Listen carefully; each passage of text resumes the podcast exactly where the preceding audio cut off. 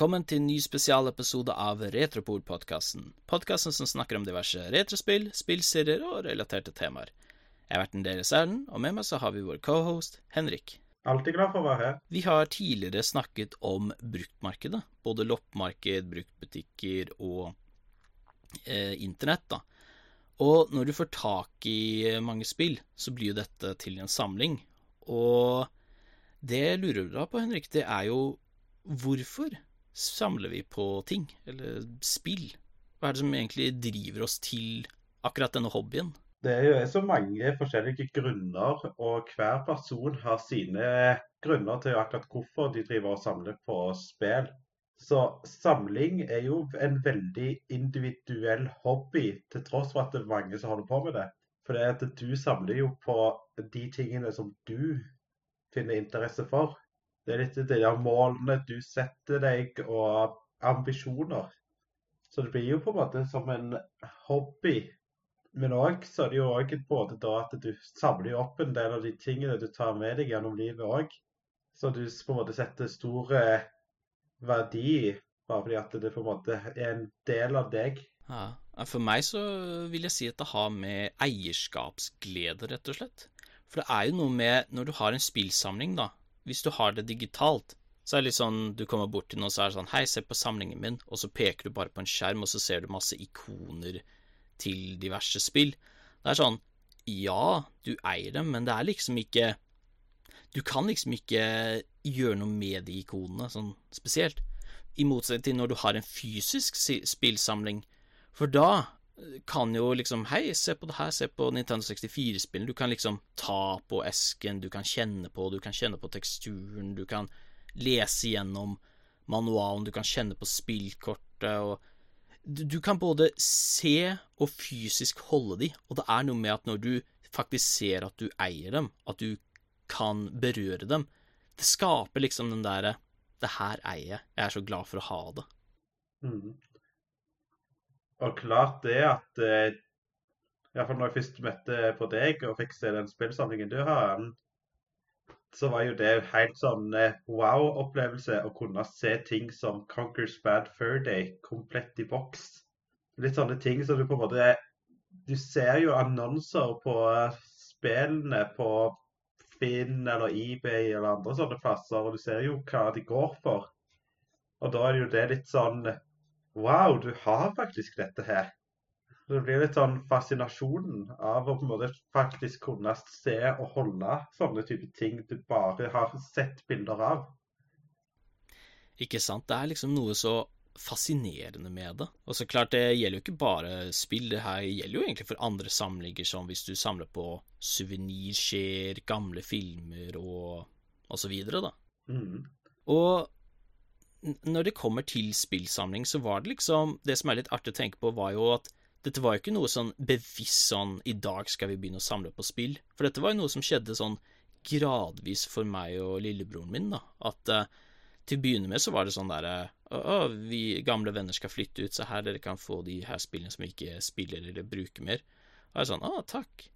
Men det var jo liksom ikke bare den faktoren, for du hadde jo også Hvis man så på YouTube, og hvilket vi gjorde, det var jo Vi så på youtubere som The Angry Video Game Nerd, Derek Alexander, som tidligere var kjent som The Happy Video Game Nerd, Irate Gamer, The Gaming Historian og The Game Chasers. At du fikk liksom innflytelse fra dem. Da var det noe som etter hvert Og når du i tillegg drar på loppemarkedet, og så finner du Nintendo-ting til sånn billig penge, da er det noe som liksom dyrkes gradvis, og så til slutt, bare en dag, så er det sånn Ja, nå samler vi på spill. Ja, så må jeg på en måte også se på deg den andre fronten òg av spillsamling. er jo bare spill du har kjøpt, og på en måte tid som har gått.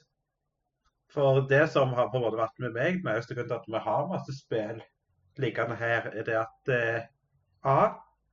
Jeg har ikke kvitta meg med spillene. Og B. Det er jo litt sånn eh, det har gått eh, 20 år siden vi fikk de første spillene. Du tenker jo litt på det når du har eh, to, når du skaffet deg spillet fra 2000 og går 20 pluss år fram i tid. Mm.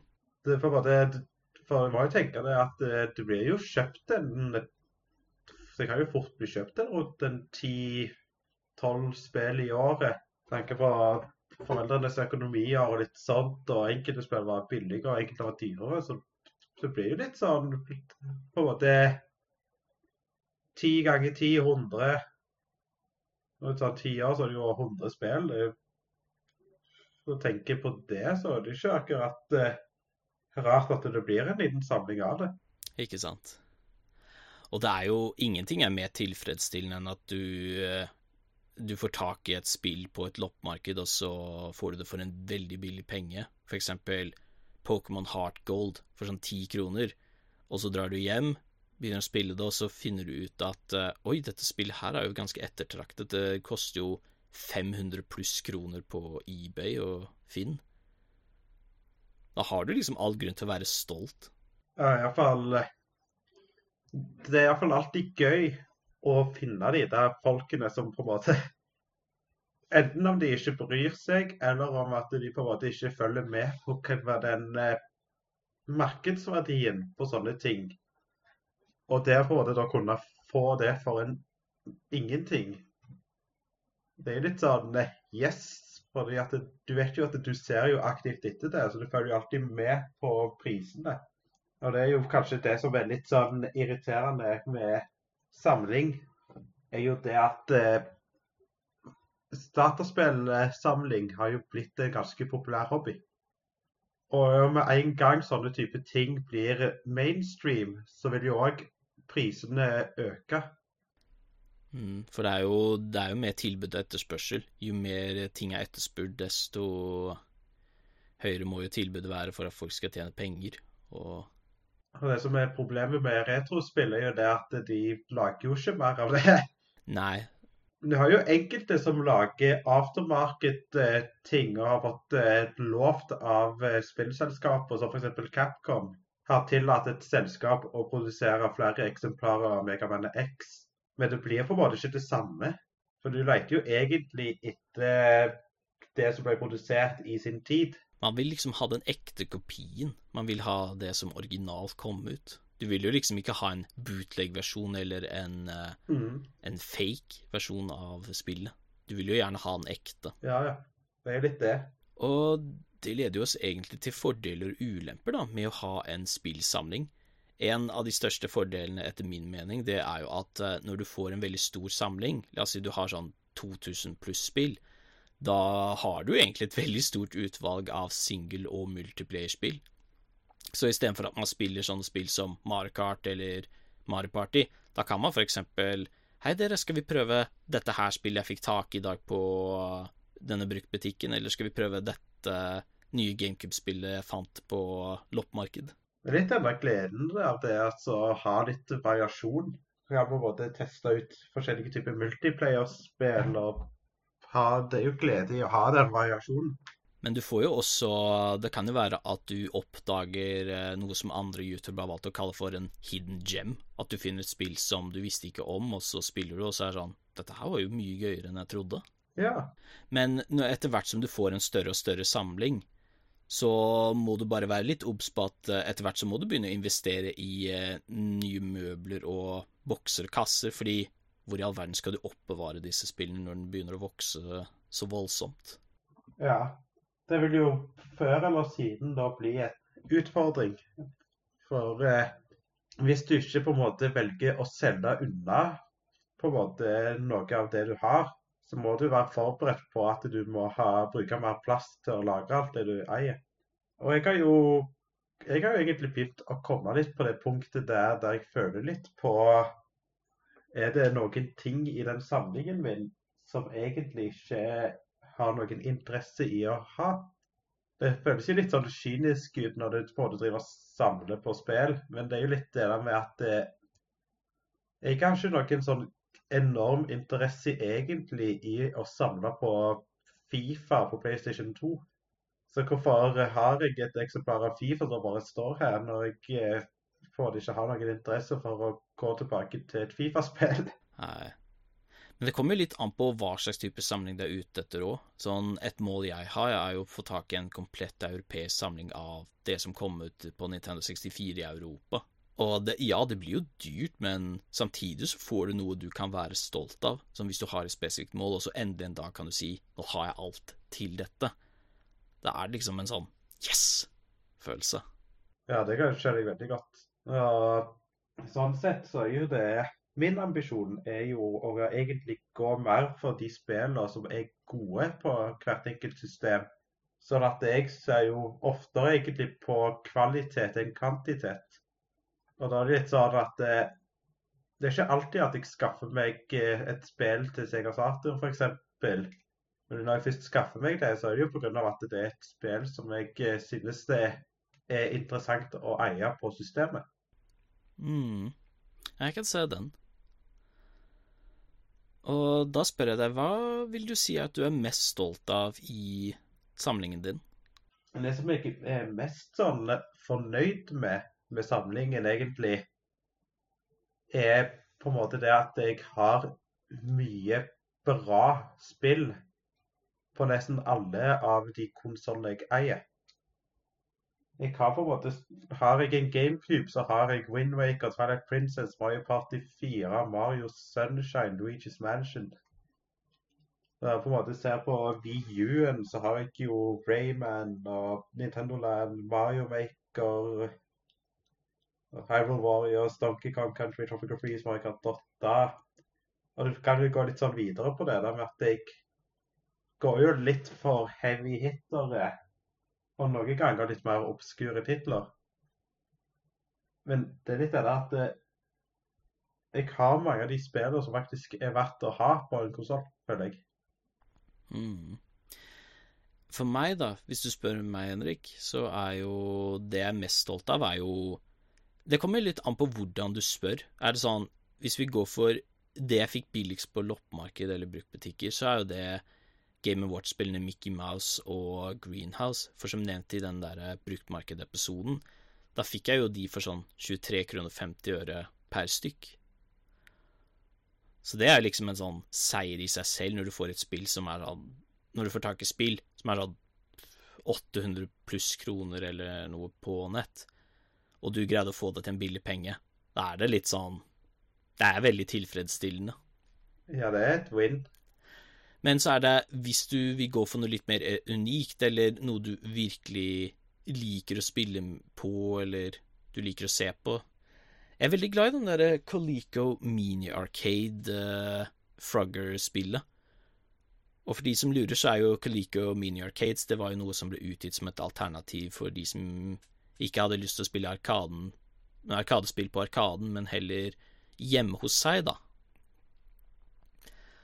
Og når du har noe som eh, er litt mer av den obskure siden, og du eier det, og det er gøy å spille på den, det er liksom Altså, det er noe fascinerende å faktisk eh, vite at du eier den, og kan spille på den når som helst.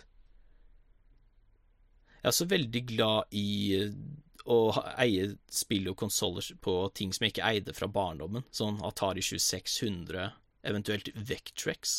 Så med andre ord, du blir glad for å eie Du blir glad for å eie det du er veldig glad i, men samtidig blir du også glad for å eie de litt mer obskure tingene. Ja, det er litt uh, enig i det der at uh, det, både dette spillet her er litt sånn sært. Og det er ikke noe du forventer, men det er, liksom, det er kult at jeg har det. Det er så kult at jeg ha dette litt sære tingen òg. Mm. Og det blir et sånn eh, snakkepunkt. Og klart det der at eh, du har en GameCube, og du har eh, på en måte Mario Party 4. Det er sånn Å, det er gøy at du har Mario Party 4. Et bra spill, men det er litt sånn Det er ikke akkurat et uvanlig spill å ha på GameCube, for det var et populært spill. Nei. Men når du begynner å vise til ting som Atari og Vectrex, som kom ut på liksom Eh, tida før Nintendo Entertainment System. Det er liksom Oi, hva er dette for en konsoll? Hva, hva, er det som er så spesielt med disse? Det er sånn, sånn der eh, Yo, Vectrex, det var jo en konsoll som brukte vektorgrafikk istedenfor uh, piksler. Mm. Og Atari 2600 var liksom hjemmekonsollen som virkelig kickstartet hjemmespillmarkedet og så videre. Det er liksom det, det at du eier ting fra barndommen samtidig som eier ting som du ikke visste om fra før, det er da sammenhengen din begynner virkelig å bli interessant. Sant det. Nei, men sånn alt i alt, da. Eh, altså, enten det er videospillsamling, eventuelt andre samlinger, så er jo det Det, det er en interesse som eh, skaper glede på en veldig spesiell måte, og det er en artig hobby å holde på med. Men eh, så klart, det blir jo en dyr investering etter hvert som den blir større. Så det gjelder jo på en måte å planlegge litt, da. Hvordan du har lyst til å Mm. Hvordan du har lyst til å samle, og hvordan du har lyst til å oppbevare. Men igjen, når du Altså, når jeg ser på rommet mitt, og så ser jeg konsoller som jeg eide fra barndom, som Nintendo 64, GameCube, og andre konsoller som Sega Megadrive, Super Nintendo, Atari 2600 fra fra ting som ikke var fra barndommen. Det er litt sånn Man, samlingen min har virkelig vokst. Ja, det er jo litt denne sånn eh, Du får litt den der wow-følelsen av å se hvor langt du har kommet fra du begynte, til på en måte der du er nå. Og det er jo litt sånn gleden av det der at eh, når jeg på en måte begynte å skaffe meg de første sånn, konsollene, så jeg ikke se for meg med en gang at jeg skulle ha Dreamcast eller en Sega Saturn. Det var litt sånn ting som var litt uh, i bakgrunnen, egentlig. Altså, og en Dreamcast Tenk å ha eid det en gang, og så plutselig så eier du Dreamcast, og så er det jo mange sånne ting. Ja.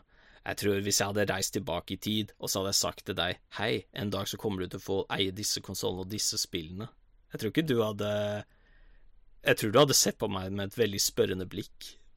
Kommer an på hvor langt tilbake i tid det hadde gått, men eh, Da er dagens episode ferdig. Tusen hjertelig takk for at dere hørte på. Så snakkes vi. Ha det bra. ha det bra.